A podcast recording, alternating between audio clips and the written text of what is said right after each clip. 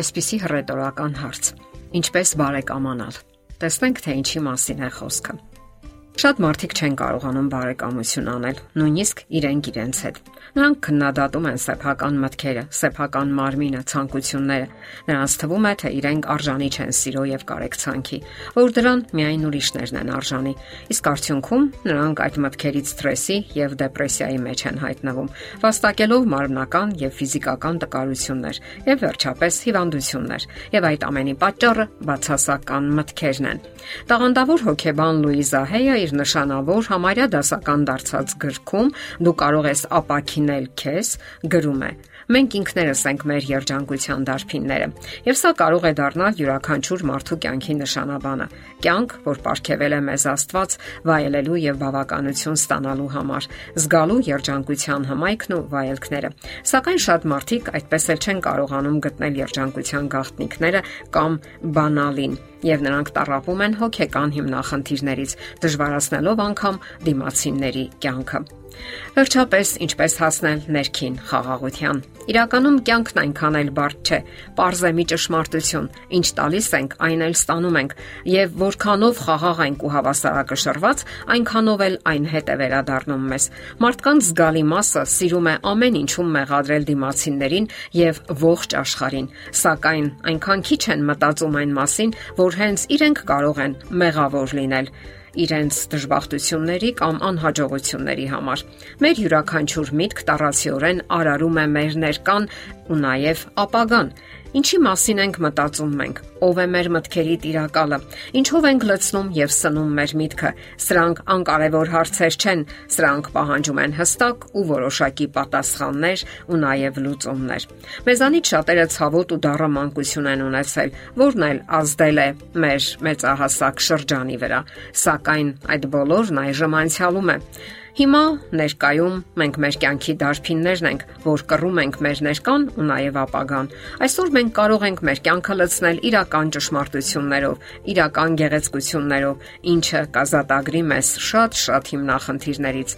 Մենք կարող ենք ներել այն բոլոր մարդկանց, որոնք այս կամ այն կերպ բացասաբար են ազդել մեր կյանքի վրա ներում ենք, որովհետև նրանք այդպիսին են եւ այլ կերպ չէին կարող վարվել։ Եվ շնորհակալություն ենք հայտնում նրանց, ովքեր դրական կերպով են ազդել մեր մտքերի ու արարքների վրա։ Եվ վերջապես մենք որոշում ենք բարեկամություն անել այն մարդկանց հետ, ովքեր առավել մտերիմ պետք է լինեն մեզ հետ։ Դա մենք ենք։ Մենք որոշում ենք կայացնում ճշնամություն չանել ինքներս մեզ հետ եւ մեր միտքը սնել դրական ու պայծառ մտքերով։ Այդ պայծառ մտքերից մեկն էլ այն է, որ հարկավոր է հիշել Քրիստոսի նշանավոր խոսքերը. Սիրիր քո մերձավորին, այնպես ինչպես ինքդ քեզ։ Սակայն մենք չգիտես ինչու հաճախ մոռանում ենք այս խոսքերի երկրորդ մասը, ինչպես ինքդ քեզ։ Ինչու մենք չենք փորձում ավելի ճիշտ ու լավ հասկանալ այն անznավորությունը, ով առավել մոտ է մեզ։ Այդ անznավորությունը մենք ենք ինքներս։ Մենք պետք է սովորենք հասկանալ ու սիրել մեզ, քաջալերել մեր արարքները։ Լինենք ինքներս մեզ հետ եւ մեր կյանքը առավել գեղեցիկ ընթացք կստանա։ Մենք բավականություն կզգանք մեր կենսական ուղուց։ Հարկավոր է առավել խորությամբ ու լրջորեն ընդունել այս ճշմարտությունը։ Չքննադատել ինքներս մեզ։ Երբեք չի կարելի քննադատել։ Կարելի է տեսնել մեր սխալները եւ որոշում ընդունել նրանք այլևս չկրկնելու։ Սակայն շատերն այնքան են խորանում սեփական սխալ արարքների մեջ, որ մոռանում են ներկան։ Հարկավոր է ներում խնդրել Աստծուց եւ այն անznավորություններից, որոնց մենք նեղացրել ենք կամ նեղացնում ենք ու վիրավորում, ապա Աստծուն խնդրենք, որ մեզ ուշ տա մեր սխալները այլևս չկրկնելու եւ վերջում վստահաբար առաջ շարժվենք։ Մեզ պետք է առաջ մղի այն գիտակցությունը, որ այս կյանքը ապարքև է։ Մեզ պետք է ոգեշնչի այս երկրի վրա մեր գոյության փաստը։ Իսկ դուք գիտեք, որ մեզանից յուրաքանչյուրի մեջ ապրում է այն փոքրիկ երեքամյա երեխան, ով սեր է տենչում, ով անսահմանորեն փափագում է, որ իրեն սիրեն ու ընդունեն։ Իսկ որpիսի սիրվենք, մենք պետք է սիրենք։ Հիշենք, այն ինչ տալիս ենք, այն էլ հետ ենք ստանում։ Ձեզ չեն սիրում։ Մտածեք այդ մասին եւ հարցրեք ձեզ. իսկ ինչու չեն սիրում։ Միգուցե դուք ինքներդ էլ ի վիճակի չեք սիրելու։ Ինքներդ էլ չեք ցկտում սիրելու հասկանալ մարդկանց։ Շատ մարդիկ պարզապես անգործության են մատնում իրենց ամենահրաշալի օրգանը՝ ուղեղը, միտքը։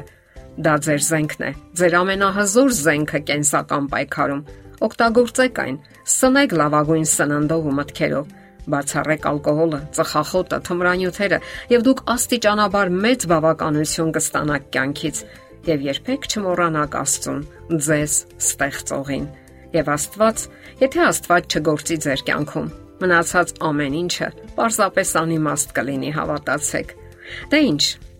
Դուք որոշում եք բարեկամություն անել ինքներդ ձեզ հետ։ Փորձեք եւ հիանալի արդյունքները երկար սպասեցնել չեն տա։ Եթերում առողջ ապրելակերպ հաղորդաշարն է։ Հարցերի եւ առաջարկությունների համար զանգահարել 033 87 87 87 հեռախոսահամարով։